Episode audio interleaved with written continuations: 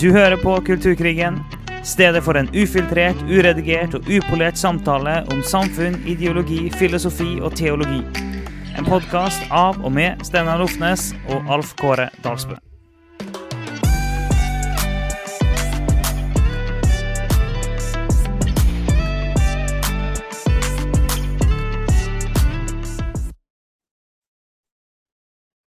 Ja, vi har ennå ikke da helt sånn klart eh, hvordan vi skal begynne eller avslutte. Eh, Men det er jo i Kanskje er det i sånn god postmodernistiske ånd. At ingenting er sikkert, ingenting er klart. Eller kanskje vi bare, eller, eller kanskje vi bare kan Kanskje vi bare kan eh, bestemme at sånn er en god begynnelse. Sånn er en god avslutning. Uavhengig av om det er det eller ikke. Nei, men vi får bare begynne, så um, hoppe i det. det. Jeg tipper at hver eneste podkast kommer til å begynne med at vi sier at vi må bare begynne å hoppe i det. Um, og um, i dag skal vi snakke om eh, postmodernismen. Det er jo et heftig, eh, heftig tema å gå inn i. Um, Ja, det vil si, vi skal snakke om deler av postmodernismen. Det er sånn som vi sa i episoden om marxisme, det blir ikke en uttømmende episode om postmodernisme i sin helhet. Det blir det ikke. Nei, det var sant. Det var bra du sa. Så postmodernisme De delene av postmodernismen som vi mener preger kulturkrigen, er kraftig. Så de elementene som er veldig relevant. Um, Ja. og Vi, vi vil hva Bibelen sier om vi, det. ja, vi vil Ja. vise litt hvordan vi blir påvirka. Og hvordan, hvordan krasjer dette her med kristen tro. Ja. Det er jo rammene våre hele tiden. Mm. Um, men det er likevel et heftig ting å gå inn i, for liksom, vi følte jo det når vi gikk på marxismen òg, men jeg føler det nesten enda mer nå. At det, det er så svært, og det er så mange fallgruver og sånn, at eh, det er litt skummelt å gå inn i. Men vi får bare snakke oss inn i det her.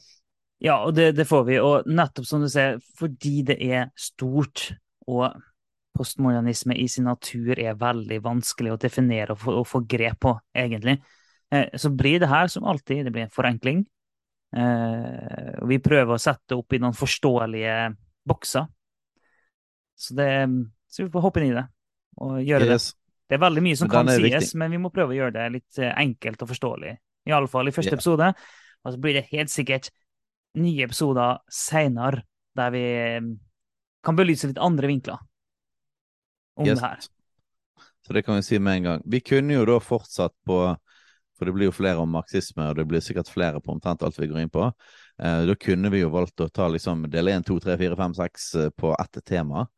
For å gå liksom bli ferdig med det. Men det tror jeg vil bli litt kjedelig. Um, det er kjekkere å hoppe inn i flere av, flere av disse her eh, tankestrømningene, og så heller litt utover gå dypere inn i de. Altså, vi syns fall det er kjekkere. For at vi, eh, vi liker å hoppe litt rundt. ja. Det, det, det, Men det ville være dumt om vi ikke kom til postmodernismen liksom etter flere Ja. måneder, fordi Ja, at den er så sentral.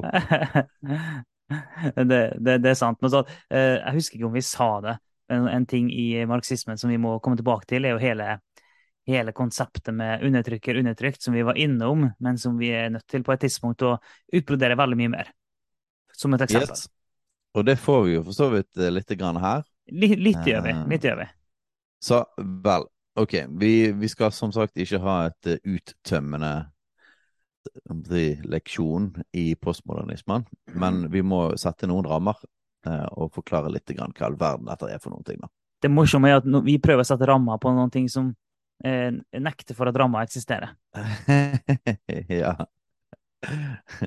Så, men vi har jo eh, tegnet opp et bilde av at vi er i en kulturell revolusjon.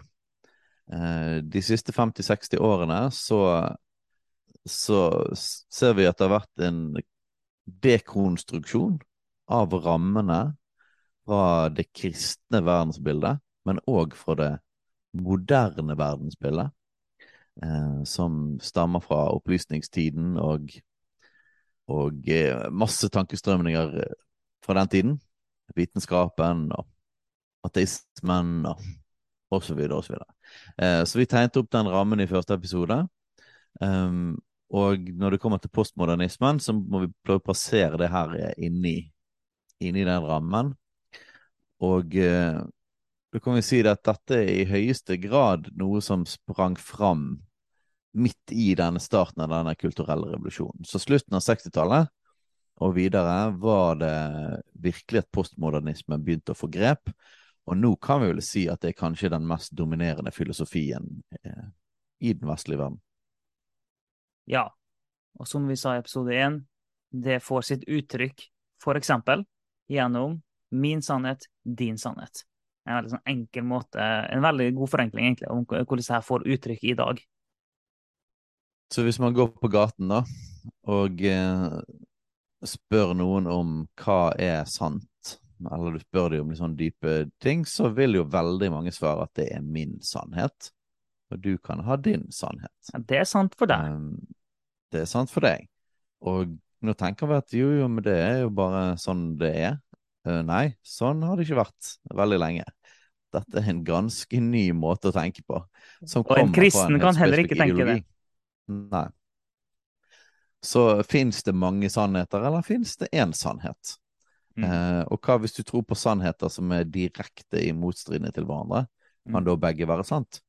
Eh, det blir jo noen interessante spørsmål. da. Men vi må jo tilbake igjen til begynnelsen av 60-tallet. Eller 50-60-tallet, og så her, kom det virkelig i full blomst når denne her kulturelle revolusjonen eh, skjøt fart. Mm. Um, og da er det jo sånn at det er veldig mye felt som uh, Nei, det var, det var, jeg hadde tenkt å si noe stygt om Frankrike, men jeg vet ikke om jeg skal gå hele den veien. Men det er mye felt som kommer fra Frankrike. Iallfall på det, det filosofiske det. området. ja, og det, det, her er ikke en podkast hvor vi driver og si fæle ting om verken folk eller andre ting, egentlig. Vi skal holde oss eh, veldig fint i kinnet her. Men, uh, men det har kommet mye fælt altså fra Frankrike. Det har det. ja, det har det. det er mye tankegods. Ja derfra som, som, ikke har vært bra. Frankrike er jo virkelig et, et, eh, et land av revolusjon og, eh, og eh, altså kulturelt motkulturell tankegang. Ja, men kulturelt og filosofisk har de hatt en enorm påvirkning. Ja.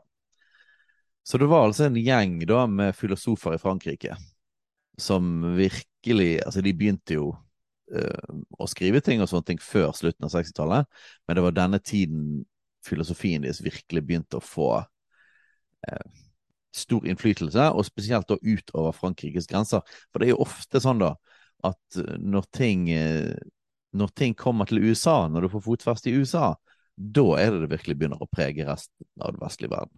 Og det er vel fordi at USA er den dominerende, kan du si, eh, kraften i, i Vesten. Uh, og uh, som gjør at vi blir uh, veldig påvirket av de. Nå fikk jeg veldig lyst til å gå ned i et rabbit hole bare på det, for det er en interessant ting i seg sjøl. Men, men, det bare slår meg at det, det, meste Det er veldig mye ting fra andre land som vi har fra USA. Altså ting som ikke er amerikanske, men vi fikk det fra USA. Ja. Taco, for eksempel. Mm. pizza. mye kultur og mattradisjon og ting. Det som kom først til USA, så ble det populært der, og så kom det liksom videre til resten av verden. Mm. Så pizzaen kom ikke fra Italia til Norge, den kom fra USA til Norge. Ja. Og sånn var det òg med postmodernismen. Ja. Um, dette tok av midt i denne her eh, kulturelle revolusjonen som skjedde, og um, noen filosofer ble veldig store og populære. Det største navnet er vel eh, Michel Foucault, Um, han ble veldig populær, flyttet etter hvert til USA òg, men, men uh, ble veldig populær på amerikansk universitet og etter hvert resten av Vesten. En annen er Jacques Derrida, som òg uh, er en av de store navnene innenfor postmodernismen. En annen er Nå sliter jeg med fra Kanskje du klarer å uttale hans navn? Er det Liotard du tenker på? Ja, ja. Jean Francois. Jean-Francois Lyotard. Ja. ja. Jean-Francois Lyotard. Nå må, ikke, nå må ikke franske folk ta oss her, altså. Nei, nei. Men uh, de tre navnene er er jo definitivt de mest kjente.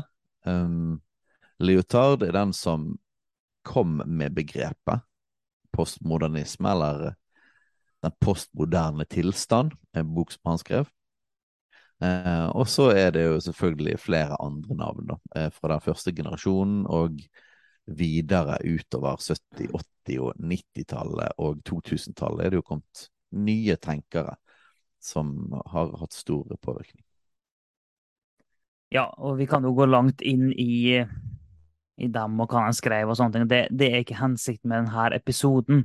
Det, det er det ikke. Men det, det, det er sånn veldig kort og forenkla det bakteppet med de her franske filosofene, og hvordan det gradvis mer og mer og mer har påvirka oss. Og det er jo sånn at vi, vi forstår ikke hvor påvirka vi er, som regel. Og vi forstår som regel heller ikke hva vi er påvirka av. Og, og, kristne i dag er f.eks. mye mer sekulære enn vi tror. Uh, og, så vi, vi, trenger å forstå hva er det som påvirker oss. Vi trenger å forstå hva er det som former vår tenkning. Uh, og, og, for å kunne se da, at uh, vi, vår tenkning er mer forma av andre mennesker, andre ideologier, enn det er av Guds ord. Og det er Derfor vi fokuserer på det her nå. Okay, la, la, oss avsløre litt hva det her er for noe, og så deretter hvordan forteller Bibelen oss at vi skal tenke. Så da yes. må vi gå litt mer konkret inn da, på ok, hva slags tenkning er det postmodernismen har gitt oss? Yes. Og eh, du prøver hele tiden å koke ned ting til liksom det essensielle. Hva, bare tenker liksom, hva var det virkelig de kom med, disse, disse her filosofene, som, som gjorde at de fikk en sånn sprengkraft? Og det var nok det at de var så motkulturelle. Eh, og kanskje de mest motkulturelle vi noen gang har hatt i historien. Fordi at de, de, de kritiserte på en måte alt bestående på et så grunnleggende um, aggressivt vis. ja. Helt ned liksom til, til sannhet i seg sjøl. Så utrolig kynisk og kritisk uh, og motkulturelt. Så nedrivning da av det bestående. Uh, og deres to hovedfiender, som jf. den første episoden, når vi prøvde å snakke om det premoderne, moderne og det postmoderne, og disse to beina som den vestlige sivilisasjonen har stått på, nemlig kristendommen og modernismen, eller opplysningstidsverdiene. Postmodernismen, eller, eller, disse her filosofene, de gikk til frontalangrep på begge disse.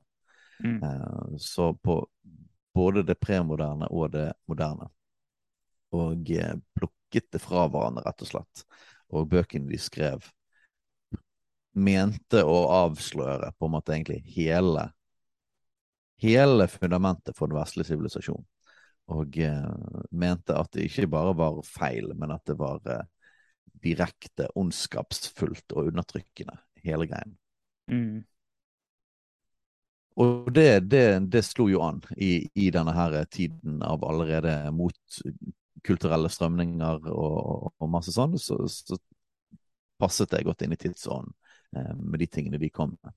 Så uh, Alf Kåre, har du lyst til å ta oss gjennom eh, disse her to prinsippene? For ja, å prøve å eh, liksom eh, vi skal, vi skal, låne noen begreper her. Um, fordi vi, det finnes mye, mye, godt stoff å lese på, men har lyst til å sette seg inn i det her. En bok som vi anbefaler, en bok som heter Cynical Theories. Uh, som på en veldig god måte går igjennom en del av det her. Uh, og så skal ikke vi bruke hele det rammeverket, for det, det, det, de er ikke kristne som skrev boka. så de gir ikke helt den vinklinga som vi har lyst til å ha her, men, de, men det er likevel en veldig god bok. Og de, de, de har kokt det ned til, til to prinsipper som er veldig forklarende for hva det her er for noe.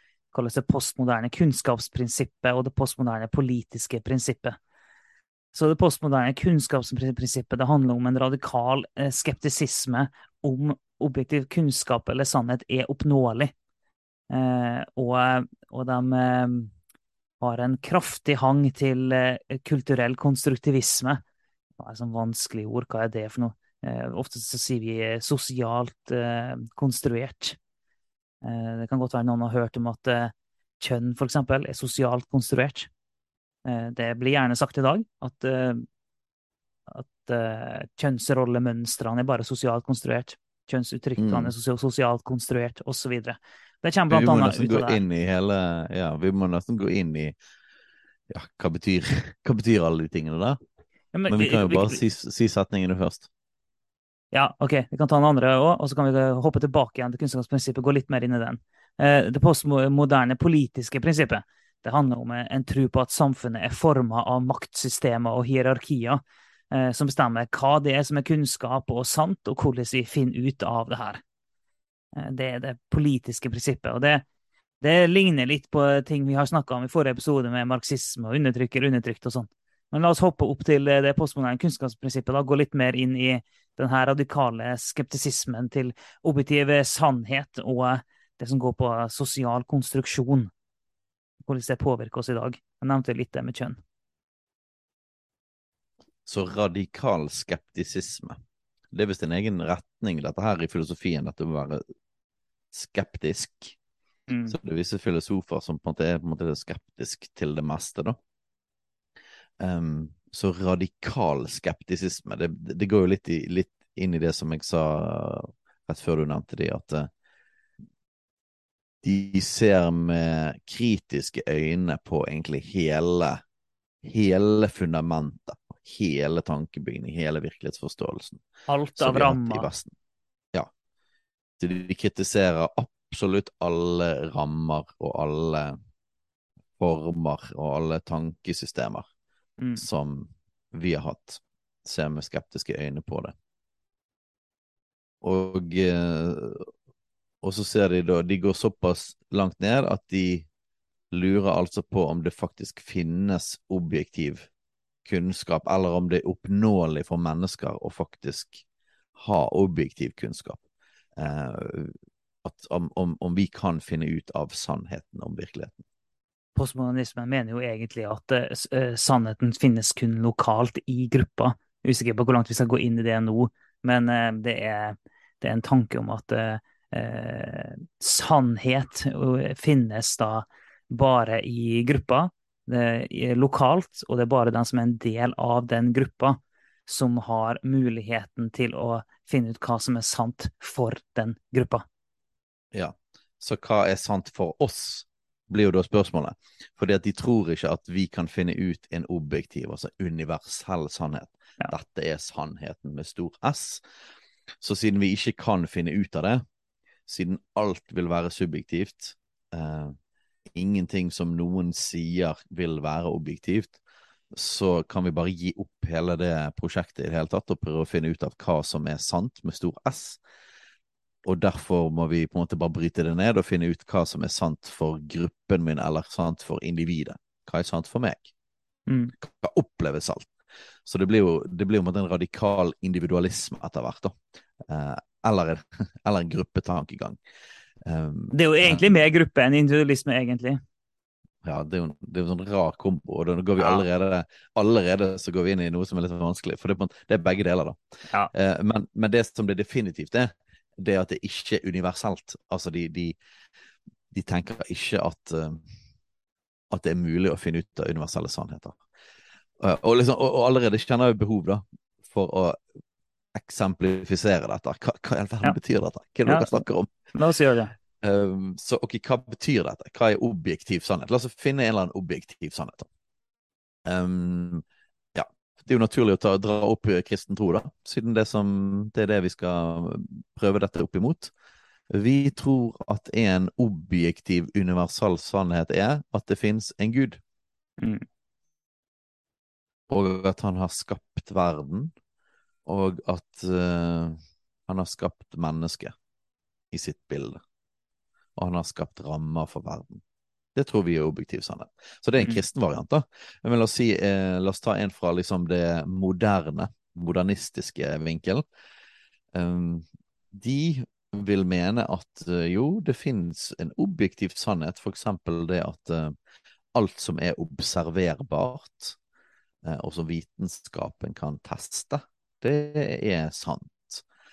Um, for eksempel at um, ja, biologiske sannheter, da. Vi kommer raskt mm. tilbake til biologien, for det, det, er så mye strid om akkurat den biten. Finnes det Har vi en kropp? Uh, og er det sånn at alle har en kropp, og at, at uh, Nå prøver jeg liksom ikke komme inn på kjønn. Liksom. ja, Dette- men du må det er så bruke litt andre eksempler. Men, Vi for, for, for, men for å ta et veldig banalt eksempel, da. Er det sol ut... Eller er det eh, Er det dag nå? Ja, det er dag nå, det er ikke natt nå. Altså, det er sånn eh, Eller Ja, sol, eh, eh, Gir sola lys? Ja, Ja. ja. Sola gir lys. Det er en objektiv sannhet. Eller er sola varm? Ja. Og, da blir det noe sånn Ja, men er det noen som uh, tviler på det, da? Ja da. Det skal vi si at det, det Hvis du er virkelig postmoderne, så vil du si det at uh, ja, du erfarer kanskje at solen er der. Eller du mener at han er der, det er sant for deg. Mm. Uh, men vi kan ikke snakke om en objektiv sannhet. Vi vet ikke hva alle de andre erfarer. Sant? Men så, så, så det moderne vil si det at du kan finne det objektiv sannhet i naturen. Eh, det Kan kan vi observere. ja. Og kan finne ut hvor varm er sola. er Sant? Ja. ja. Istedenfor å betvile er sola varm. Sånn, hvor varm er sola? Det kan vi finne ut av. Sant? For du, du, du, har, du har vel ikke hørt eh, vitenskaps... eh, vitenskapsmann. Jeg må merker at uansett hva vi sier her nå, så blir det ukorrekt. Nå skal ikke man si vitenskapsmann engang, det er vitenskapsperson. mm. Du kan si Eh, forsker. En forsker. Men igjen, uff, nei, det, det, det, er så, det er så mange kaninhull, det er så mye miner å gå på når vi snakker om postmodernismen, at det er jo nesten umulig. Men eh, dere får bare bear with us. For da tenker jeg, ja, men kjønnsforskere, de er jo ikke De er jo ikke forskere innenfor et moderne paradigme. De, har jo Mm. faktisk, de, de er jo faktisk postmoderne forskere, Mm. så man kan ikke bare si forskere heller. Men la oss si innenfor naturvitenskapen, da. Mm. Der vil man mene det. At vi kan observere ting i naturen, eh, og det går til og med an å bevise ting. Du gjør eh, eksperimenter, og hvis du får samme utfall på eksperimentene igjen og igjen og igjen, og igjen, så kan man si at eh, dette her er bekreftet. Dette er sant. Det er faktisk sånn at hvis du slipper en stein ned, slipper en stein, så detter den ned til jorden hver eneste gang. Det vil si at tyngdekraften fins. Det er en objektiv sannhet. Det er ikke noe som er forskjell. Det er ikke sånn hver, hvert individ på jorden må finne ut om tyngdekraften fins, eller den er sant for deg eller ikke sant for meg. Um, den fins, og den er vitenskapelig testet og bevist at den fins. Mm. Så der har du et, eh, et eksempel på objektiv sannhet. Men eh, du tør ikke inn på en ting som jeg tenker er verdt å ta her. Eh, hvis ikke tror jeg vi glemmer det. da. Um, fordi eh, du, du, tok det mer som sola. Ja, men det er noen som betviler det. Ja da, det er det. Eh, og så har vi den her med at de aller fleste er jo ikke fullblods postmodernister. Skjønner de har kjøpt mye av tankegodset. Og det skaper en rar greie der mange, faktisk de fleste, i Vesten, i Norge, de eh, har en haug med tanker og verdier som er mer modernistisk, som er mer vitenskapelig basert. For eksempel på Fins tyngdekraften? Ja, ja, ja, tyngdekraften fins. Men Nå ikke vi kjønn igjen, da, men det får bare være. Eh, men så er det sånn OK, tyngdekraften fins, ja, absolutt, det gjør den. Men kjønn, det vet jeg ikke helt om fins. Det, Yes. og, så tyngdekraften har, har den Altså, er det en ramme i livene våre som vi ikke vi kan eh, unnslippe? Ja, det er det. Det er alle helt enig i. Men kjønn, det kan vi unnslippe. Og så blir det sånn rar greie med at det er en både det er, det er en sånn motsetning som folk lever i, som de ikke helt skjønner at de lever i. da. Og det kan både være frustrerende for at du, eh, og på en måte gi litt håp. Og vi tror at det er sånn fordi at uh, mennesket kommer ikke unna skaperen. Og at det er, mennesket er en del av skaperverket. Det ligger i oss. Og vi har en dragning mot, eh, mot skaperen, mot det skapte. Det tror vi. Eh, Så vi tror at det har med det å gjøre. Det er Gud som har skapt oss. Det kommer vi som mennesker aldri unna. Eh, Så derfor klarer de aller fleste av oss ikke å kjøpe det postmodernistiske verdenssynet fullt ut. Men vi blir veldig påvirka av det. Så det er sånn, det skaper en utfordring, da. Ja, det er det. Og, og, og eh, jeg vil si det at vi alle på en eller annen måte lever i en miks av alle disse tre tre epokene. eh, som vi, vi, er preget av parallelt. Nå er det den postmoderne som er på frammarsj og på en måte tar over mer og mer. Eh, men vi har så mye kristne verdier, så sterkt kristen virkelighetsforståelse i bunnen eh, her i Vesten, og så på toppen av det så sterkt modernistisk virkelighetsforståelse oppå det igjen. At når postmodernismen kommer, så er det akkurat som at man, man aksepterer det liksom sak for sak, eh, og litt etter litt. Eh, men man be, be, beholder en del av de gamle fortsatt, uten å være klar over at det er en indre motsetning i det. Mm. Eh, og kan du si heldigvis, heldigvis er ikke vi kommet dit at absolutt alt er oppløst mm. ennå. Men det, det, det er på frammarsj. Ja. Så, så, for å gå tilbake igjen til det, det er greit å bruke disse setningene som et sånn rammeverk. Så det, det postmoderne kunnskapsprinsippet er altså radikal skeptisisme om hvorvidt objektiv sannhet, nei, objektiv kunnskap eller sannhet er oppnåelig. Radikal skeptisisme om hvorvidt objektiv kunnskap eller sannhet er oppnåelig. Så de tviler på at det er mulig for et menneske å finne ut hva som er sant med stor S. Um, så hva tror de egentlig at uh, for eksempel når uh, en forsker i, innenfor naturvitenskapen sier det at tyngdekraften fins, hva mener de egentlig er som foregår da? Vi, for vi aksepterer jo det at ja, men det er sant, det tror vi på. Vi tror at de gjorde de her eh, eksperimentene, og de fant ut av det, og nå vet vi at det er sant. Da vil jo de mene at Nei, nei, nei, her er det helt andre mekanismer som, er, som spiller inn. Vi snakker ikke her om sannhet eller ikke sannhet, eller om, hva som er rett og galt, eller hva Det vi snakker om her egentlig, er hva mennesker her er det som har kommet fram til denne sannheten, og hva posisjon har de i samfunnet? Altså De vil mene at alt som de fleste mener er sant, det mener vi er sant fordi at de som har dominans i samfunnet, mener at det er sant. Så, den føler jeg må ta, ta en gang til. mm -hmm. Så hva mener de skjer da, når noe i et samfunn, eh, i en kultur, så mener man at dette er rett, dette er feil? Da mener de at det sier ingenting om hva som faktisk er rett og galt. Det det sier noe om, er hvem som har dominans i samfunnet. Så de som har dominans, de presser sin sannhet på alle de andre. Det er det som skjer. Så hvis vi dekonstruerer, da, som er liksom Dekonstruksjon er jo det et begrep som en av disse filosofene, Jacques Derrida, eh, ble kjent for. Og han gjorde det jo da litterært, gikk inn i litterære tekster og sånne ting. Og så mente han det at i enhver tekst så vil man kunne avsløre hva som egentlig foregår. Eh, så denne teksten den handler ikke egentlig om sannhet eller ikke sannhet. Den handler ikke liksom om Det, det kan ikke si oss noe om hva som er sant. Eh, den sier egentlig ikke det han prøver å si heller. Det den egentlig sier. Alle tekster sier egentlig mm. hvem som har makt som den kan dominere de andre med. Det, det er det egentlig alle tekster sier. For i alle tekster vil du finne en sånn her eh, indre motsetning mellom undertrykker og undertrykt. Eh, hvis, hvis, noen snakker om lys, så betyr det at det er satt i motsetning til mørke.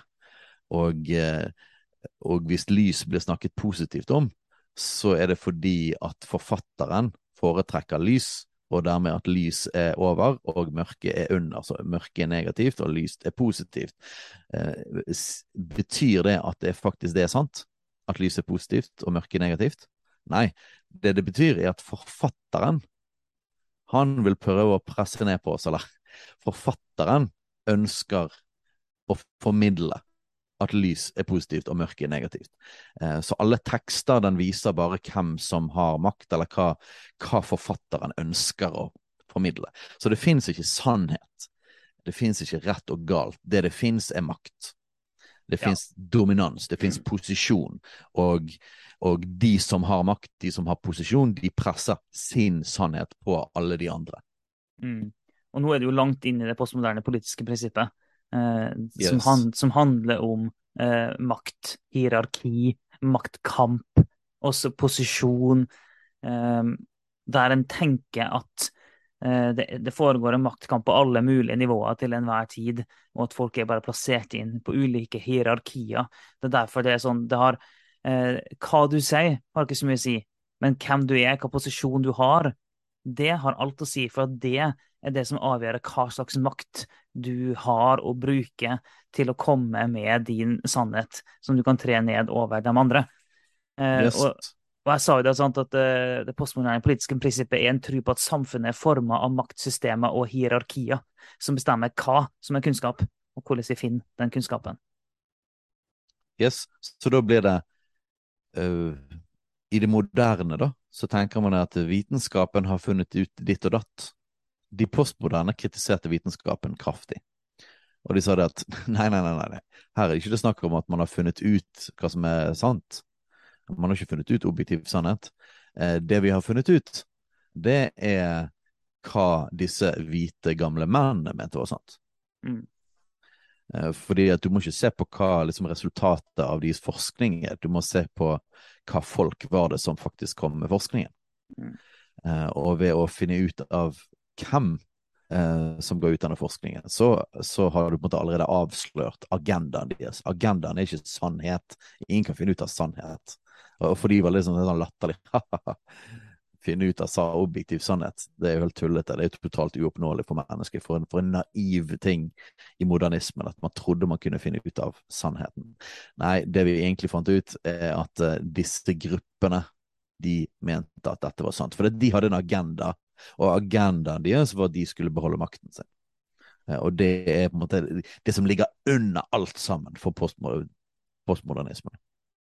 Og kristne har for så vidt opplevd det her mange ganger. Jeg er helt sikker på at det er folk som har hørt det her, som har opplevd at uh, deres mening, eller kanskje til, og med deres person nærmest, blir avskrevet fordi de er kristne.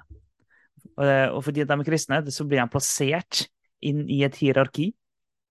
Og så er det litt sånn rart, da. Vi nevnte vel i en episode at det er litt sånn rart at for sånn, kristendommen er jo ingen majoritet i Norge i dag. Men det finnes en, en, historie der, selvfølgelig, som påvirker mye. Og kristne eh, har jo eh, Vi påstår jo noe universelt. Det er klart det har en tyngde med seg at vi snakker om Gud, universets skaper og herre. Eh, så det, det, spiller nok inn, da. Men det, det gjør at det, ofte så kan kristne da bli putta i en sånn boks av at eh, vi har mye makt, og vi er undertrykkere. Eh, og dermed, per definisjon, så kan vi avskrives. Og hva vi har å si, har ingenting å si. Ja, og en litt sånn konkret konkret måte dette preger liksom det politisk korrekte eller kulturkrigen i dag, er jo dette at man er ekstremt opptatt av representasjon. Uh, fordi at det er ikke Det er ikke så viktig Det viktigste er ikke hva resultat man kommer fram til, men det er hvem som har kommet fram til det. Eh, så du må ha på en måte, du må sørge for å ha alle mulige slags undertrykte grupper eh, som en del av del av de som bestemmer. Eh, og, for eksempel, ta et veldig konkret eksempel fra USA, da, som er på en måte kommet lenger på disse tingene. Eh, ved innsettelse av den forrige høyesterettsdommeren eh, så var det helt åpenbart at agendaen for det som lå bak hvem, som skulle, hvem man skulle få som ny høyesterettsdommer, var hva gruppe den kom fra.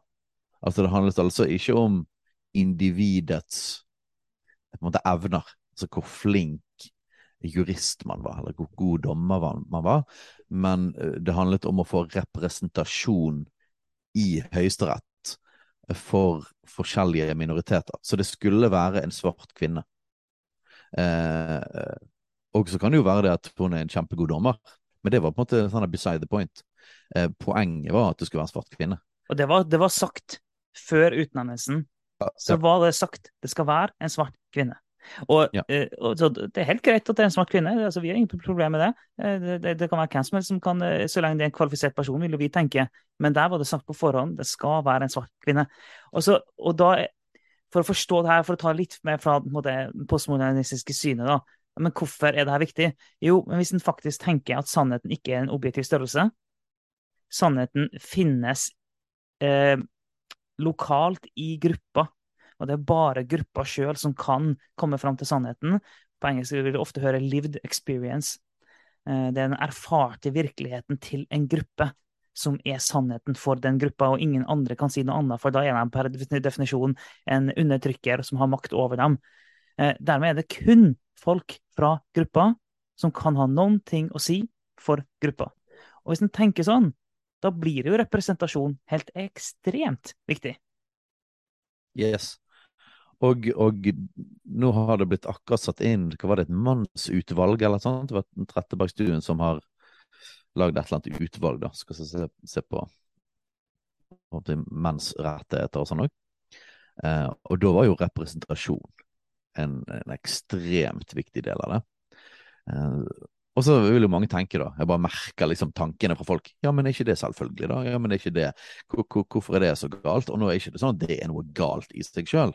Det vi prøver å komme fram til, er på en måte hva tankegang og ideologi som ligger under det. Um, og det er et brudd med hvordan vi har tenkt tidligere i Vesten. For det som, den måten vi har tenkt, har vært at det skal handle om evne. Eller det skal handle om individet. Altså individet skal bedømmes på sine egne eh, på sine egne evner og sin egen eh, Altså hva man har fått til. Og sin egen karakter. Sin egen karakter, og det, har, det er helt likegyldig eh, hva gruppe den kommer fra. Så det handler rett og slett ikke om at du kan formidle sannheten fra den type gruppe, eller ikke. Uh, og hvis du tar Martin Luther King, da, og vi vil jo komme inn i dette her når vi skal snakke om dette med antirasisme og rasisme og sånn òg, men Martin Luther King så kommer da fra, et, fra en mer liberal tankegang, ikke en postmoderne eller nymarxistisk tankegang. Han, uh, nå må du hjelpe meg så vi får dette her sitatet rett, for han er så kjent for dette sitatet. But I have a dream. sant? Hva var det han hadde drøm om? At ja. Hadde nedskrevet dette. The, det er iallfall sånn The content of your character, not the color of your skin. Det er sånn nøkkelordet, da. Altså, vi, vi, vi, mens du snakker, så søker jeg det opp. Ja, så skal vi få det riktig. Så, men, men, det er nøkkelen. Du, du, kan eh, finne det og lese det ordentlig etterpå. Men, men eh, Martin Luther King drømte altså om en verden der man ikke skulle bli bedømt ut fra hudfarge men bedømt ut fra the content of, of your character, altså hvem du var som person. Mm. Eh, og, og, begrepet for den måten Martin Luther King Det han sto for, som jeg òg står for, og som er veldig altså Martin Luther King var jo en kristen og var en forkynner, eh, og det samsvarer veldig med en kristen måte å tenke på, er nemlig fargeblindhet. Altså Gud har skapt alle mennesker, alle mennesker er skapt i Guds bilde. Farge er likegyldig. Eh, så, så, du kan være håper jeg, gul og blå og brun og, og svart og hvit. Eh, det er helt likegyldig. Vi ser deg som et individ, et individ som Gud har skapt og som har egenverdi.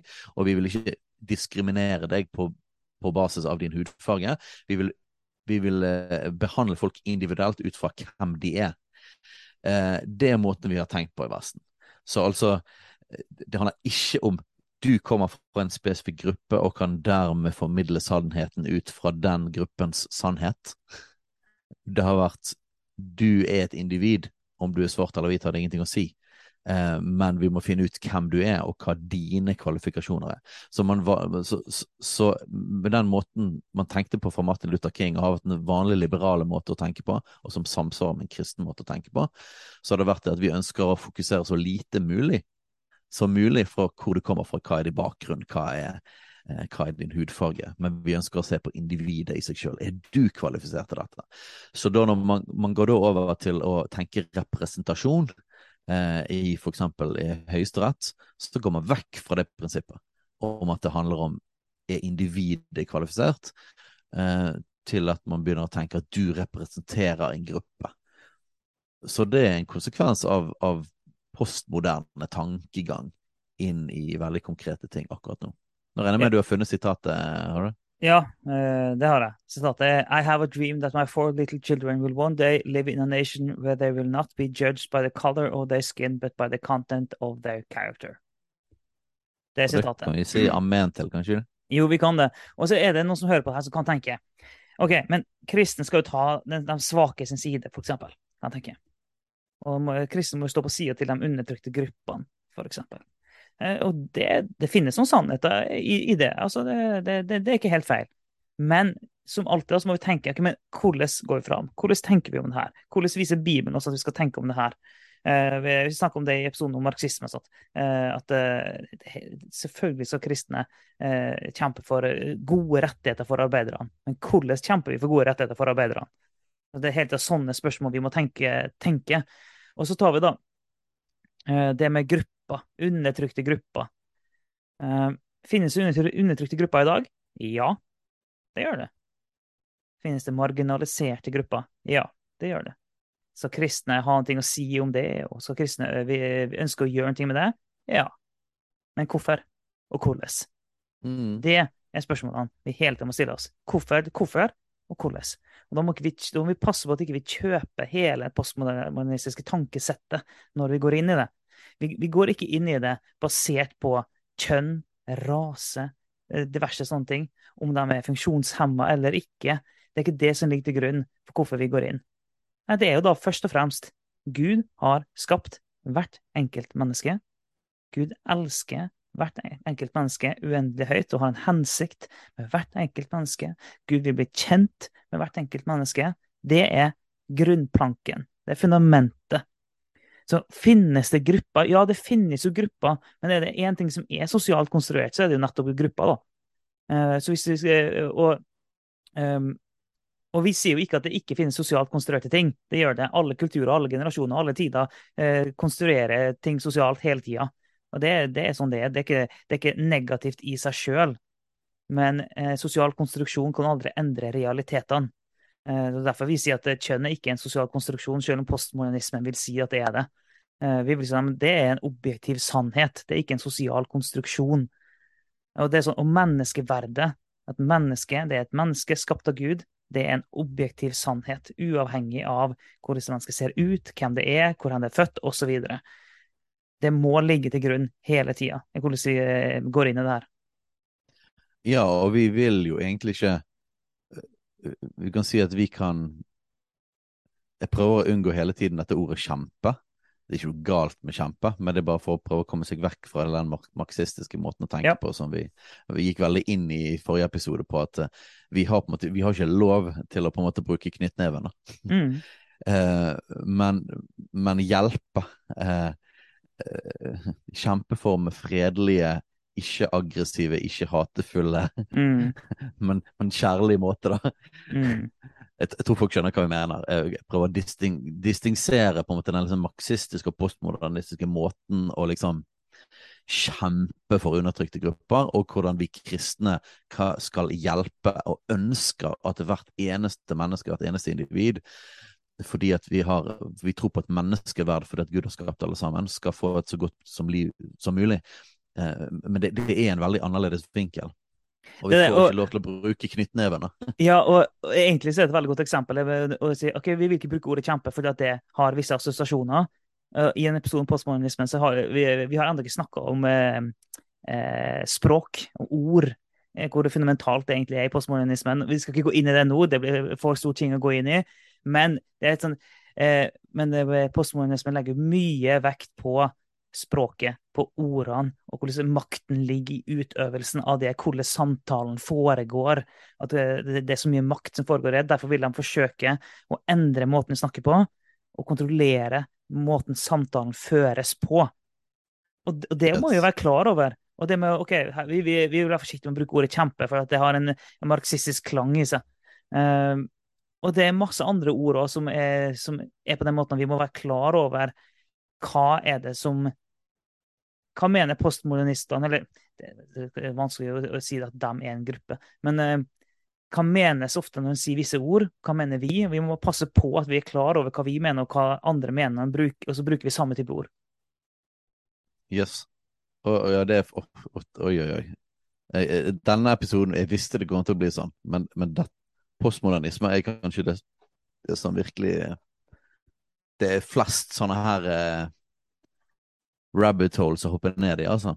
Mm. Eh, men det er veldig bra å holde seg til disse to setningene. Jeg, jeg tipper at vi ikke kommer til å komme ut, ut av de i hele denne episoden, eh, men det gir oss et lite nav, Ja. sånn at ikke vi eh, forsvinner helt ut i at alt er relativt. Eh, og så for å gå tilbake igjen til da, radikal skeptisisme mot hvorvidt objektiv kunnskap eller sannhet er oppnåelig. Vi har snakket litt om det. Um, og dette som har med kulturell konstruktivisme Kulturell konstruktivisme. Social construction. Eh, dette brukes jo mest på engelsk. Jeg vet ikke om jeg har hørt så mange si dette på norsk, men vi har prøvd å oversette det. Så hva Altså, er det? Altså, det? konstruert blir jo brukt, da. Sosialt konstruert, det er riktig. Det er når det blir kulturell konstruktivisme. Ja, det, det blir ikke litt, eh, det ble litt stokkete. Uh, men sosialt konstruert, vi har vært innom det. Uh, men vi kan jo dykke enda litt mer i det, siden dette er Ja, men la, la, oss, la oss ta den, da, fordi at det der er et så kraftig brudd med kristen tenkning. Mm, mm. Eh, for som jeg nevnte, finnes det sosialt konstruerte ting? Ja. Er sosial eh, konstruksjon i seg sjøl negativ? Nei, det er det ikke.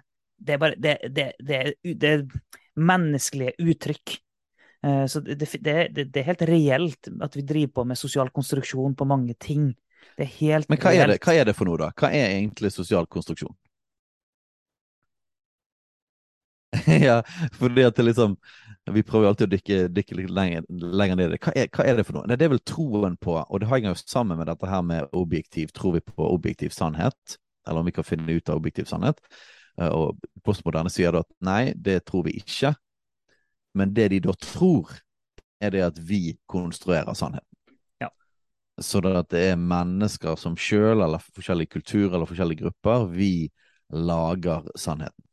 Mm. Um, og de vil jo da mene at så godt som alt er sosialt konstruert. Så godt som alt er det vi mennesker som har lagd disse sannhetene, lagd disse rammene.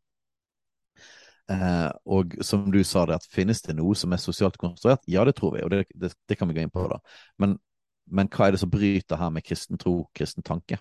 Ja.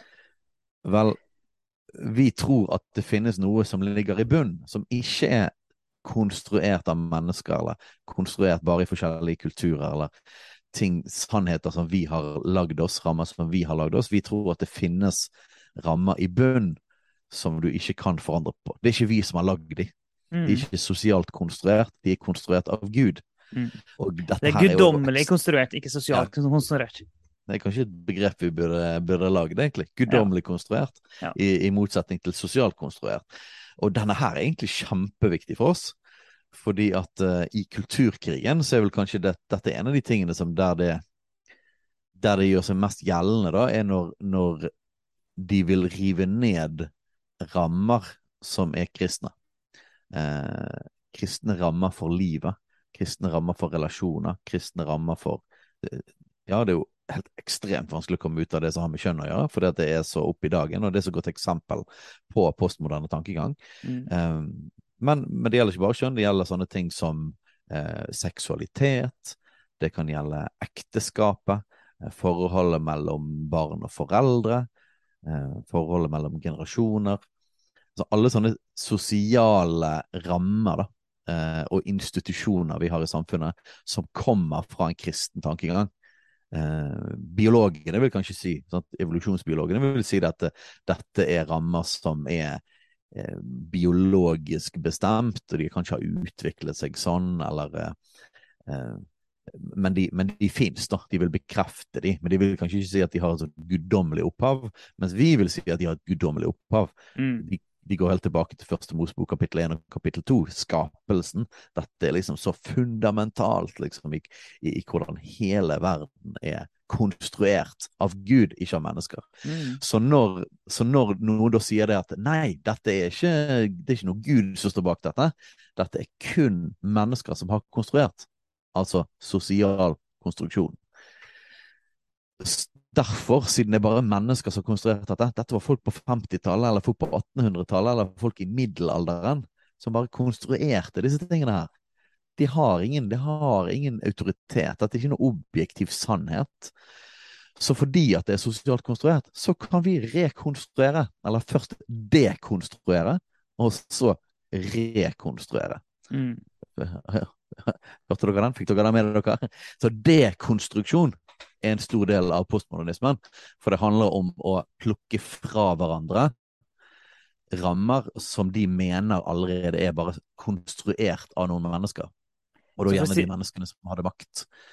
Ja. Eh, og så kan vi lage oss nye. Vi kan lage oss nye strukturer. Vi kan lage oss nye familiestrukturer. Vi. For dette er bare menneskelig lagd uansett. Så hvem sier det at vi må ha Ja, nå kommer jeg inn på, kommer på et godt eksempel, for dette kommer til å bli en stor kamp eh, i årene som kommer. Hele Poli-saken. Mm. Eh, hvorfor må det være to mennesker i et ekteskap, eller Vi har til og med ordet parforhold. Mm. Folk som er da polygame, sier at eh, eh, bare ordet parforhold er undertrykkende i seg sjøl. Fordi at det setter en, en, en ramme som mennesker har lagd. Dette er sosialt konstruert. Eh, vi har lagd denne rammen. Noen gamle hvite menn sannsynligvis har lagd denne rammen med at det skal være eh, bare skal være par. Eh, så det må vi bryte ut av. Vi må rive ned, vi må dekonstruere denne rammen av par. Og så må vi konstruere noe nytt, som er at vi kan være mange. Vi kan Mm. være mange i et forpliktende kjærlighetsforhold, eh, vil jo de snakke om, og konstruere. Og mest sannsynlig vil det komme eh, Hvor mange år det vil ta, det vet jeg ikke. Eh, det er iallfall helt klart at dette er den neste saken etter transsaken. Transsaken er nå den største, eh, mest blinkende saken, det som blir kjempet mest på. Eh, men den neste saken er nok dette her poli-greiene. Ja, i løpet, i, løpet, ja, i løpet av de neste fem årene, så i, i, de neste fem årene, så er jeg helt sikker på at det kommer til å være mye eh, trøkk på at eh, ekteskapsloven er diskriminerende. Eh, fordi at den, den, den diskriminerer eh, hva skal vi kalle det, den som har polyamorøse forhold. Eh, den diskriminerer dem som ønsker å leve og være gift med mer enn én person samtidig. Eh, og det interessante da er jo OK, men den som da vil forsvare ekteskapsloven, men ikke er kristne, hvordan, hvordan skal de forsvare den? Ja, veldig mange vil jo da ha store problem med å forsvare den innskrenkninga pga. den postmoderne tankegangen. For de har jo kjøpt, allerede kjøpt hele tankegodset. Så eh, de har veldig lite å holde igjen med. Vi har jo gode grunner for hvorfor vi mener at det er sånn, som selvfølgelig handler om at det er guddommelig konstruert eh, som nummer én. Vi tror at det er noen rammer Gud har skapt som det er godt for oss mennesker å leve innafor. Men hvis en har kjøpt det postmodernistiske tankesettet, så er det sånn Ja, OK, hvorfor, eh, hvorfor er det bare to, da?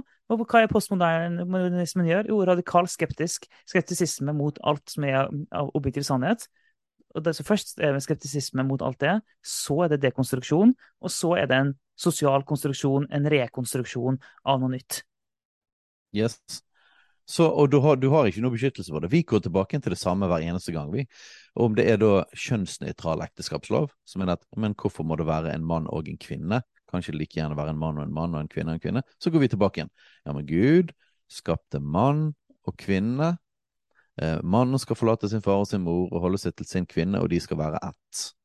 Det er vårt basis for, for eh, ekteskap.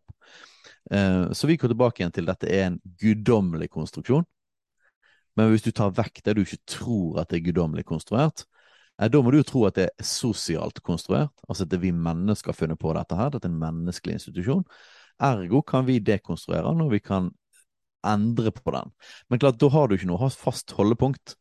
Eh, egentlig vil jeg jo si at ekteskap gir ingen mening engang uten en kristen ramme. Nei, det Altså det. at, du, det at du skal ha et forpliktende eh, juridisk forhold mellom to personer, eventuelt flere, gir ingen mening uten en kristen ramme.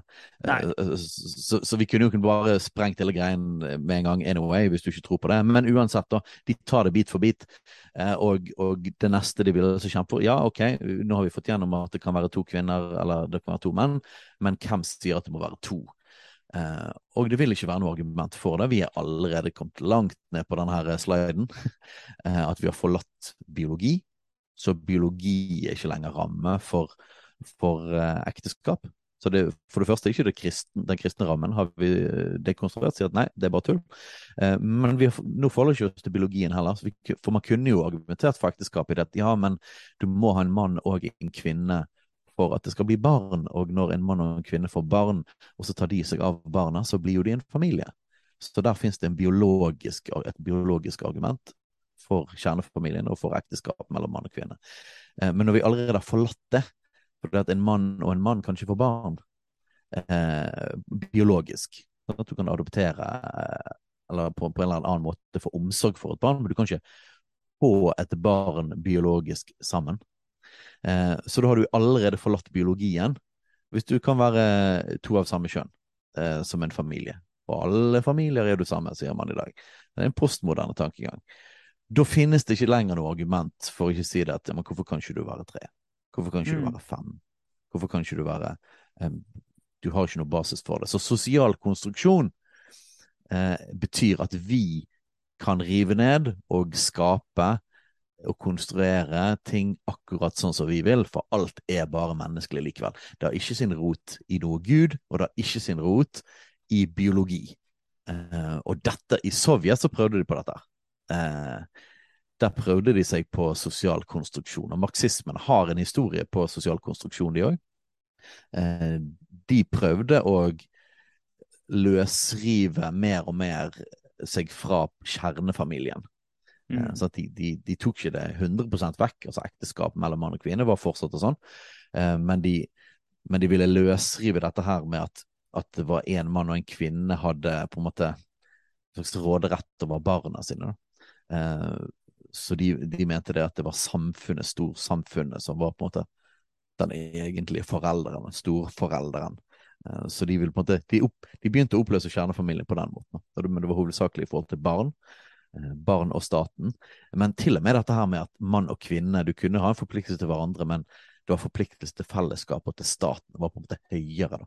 Mm. Så du har først en, en, sovjetisk mann og en sovjetisk kvinne eh, forpliktet til revolusjonen, til arbeiderklassen og til storsamfunnet, før du var på en måte en, en egen enhet som, som et ekteskap eller som en kjernefamilie. Så sosial konstruksjon har blitt prøvd eh, i forskjellige varianter tidligere, alltid med tragisk utfall. Eh, fordi at vi tror det at når du driver og prøver å bøye på ting som både står imot biologien og videre Hvorfor står det imot biologien? Jo, på grunn av skaperen. Skapelsen. Gud har skapt det. Uh, tuller du med de tingene der, så vil du få et heftig backlash. Det tror vi. For dette fins objektiv sannhet. Gud har faktisk konstruert noe. Det, det, tror vi. Og vi mener at en, en, kristen tankegang må holde fast på det. Og kan aldri eh, akseptere et tankesett som avviser eh, guddommelig konstruksjon objektiv sannhet. Vi kan aldri akseptere det. Men for å spole litt tilbake til det du sa det om ekteskap og biologi og sånn. Um, det, vil, det, vil, være mange i dag som vil argumentere nettopp for kjernefamilien, og at nei, men, eh, det, det, er den beste rammen for barna. og ser for meg noen eh, psykologer kanskje som vil argumentere for at det er den beste rammen for barna. Så vil de finne litt sånn, eh, litt sånn ulike vinkler for å prøve å forsvare det. Eh, og gjerne litt sånn sammen med biologien. Altså, barn har det best sammen med sine biologiske foreldre og sånn. Og så blir det, altså, blir det en Og da begynner de å blande, altså, som vi snakket om tidligere. Men OK, en forsøk, for egentlig så er det ingen som tror på at biologien ikke er viktig. Det er ingen som egentlig tror på at vi kan kaste biologien fullstendig over bord. Som vil en forholde seg til biologien som sannhet, men ikke på alle områder. Og på visse områder så velger en å kaste det helt ut. Eh, og det er der vi vil da si at hvis en holder på sånn for lenge, så vil ramma bare falle etter hvert. For det blir umulig å holde det sammen hvis en ikke er konsekvent på det. Men OK. eh, det er veldig mye vi kan si her. Veldig mye snakk om Vi har holdt på i en times tid allerede. Det, det, det, er, grei, det er, et greit tidspunkt å, å stoppe på. Og vi, um, vi kommer til å komme innom det her senere i flere andre episoder òg. Det, det, skal vi gjøre. Um, vi, ja, vi, får, vi, får, lyst til å si det at uh, jeg har veldig lyst nå til å si at uh, nei, det kommer i neste episode, så går vi videre på dette. Men det er fordi vi er litt i flowen på det. Men det er så mye ting som vi ikke har gått inn i. Vi har egentlig bare snakket rundt disse to setningene, og vi er ikke ferdig med de engang. Eh, så, vi, så vi tror vi kan si at vi definitivt kommer til å gå videre inn i postmodernismen. Men vi kan ikke, vi kan ikke love helt om det er neste episode eller ikke. Det er så mye ting vi har lyst til å begynne på. Det er det. Så skal vi prøve å oppsummere det veldig kort. Gud, Guds ord, er objektiv sannhet. Vi må alltid søke inn til hva forteller Guds ord oss. Og vi tror, og vi holder fast på, frimodig, at Guds ord eh, gir oss alltid svaret og retninga vi trenger. Ikke alltid det konkrete, superkonkrete svaret på ethvert spørsmål, men det gir oss alltid rammen vi trenger for å gå videre. Og den, alt, og, den, gir oss en ramme vi skal holde oss innafor. Og det må vi kristne alltid holde fast ved. Og vi, skal, og vi, må være klar over eh, hva det er som former oss i det samfunnet vi lever i. Um, ja. Yes. Og vi kan være superfrimodige på det.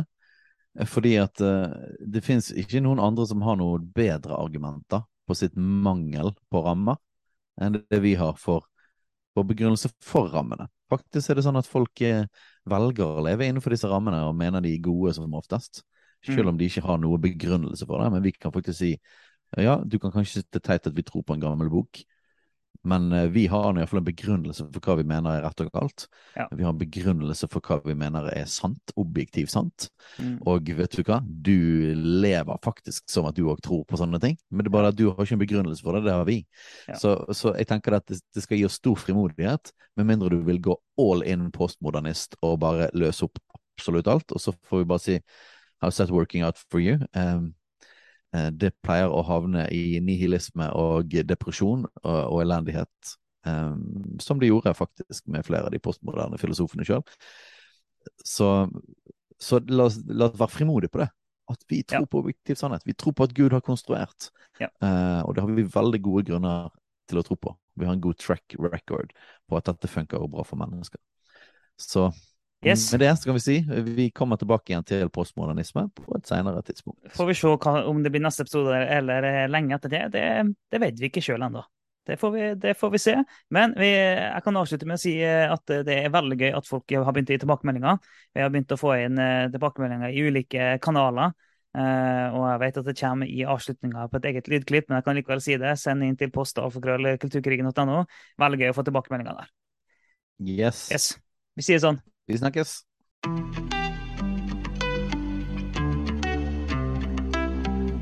Takk for at du lytter på Kulturkrigen.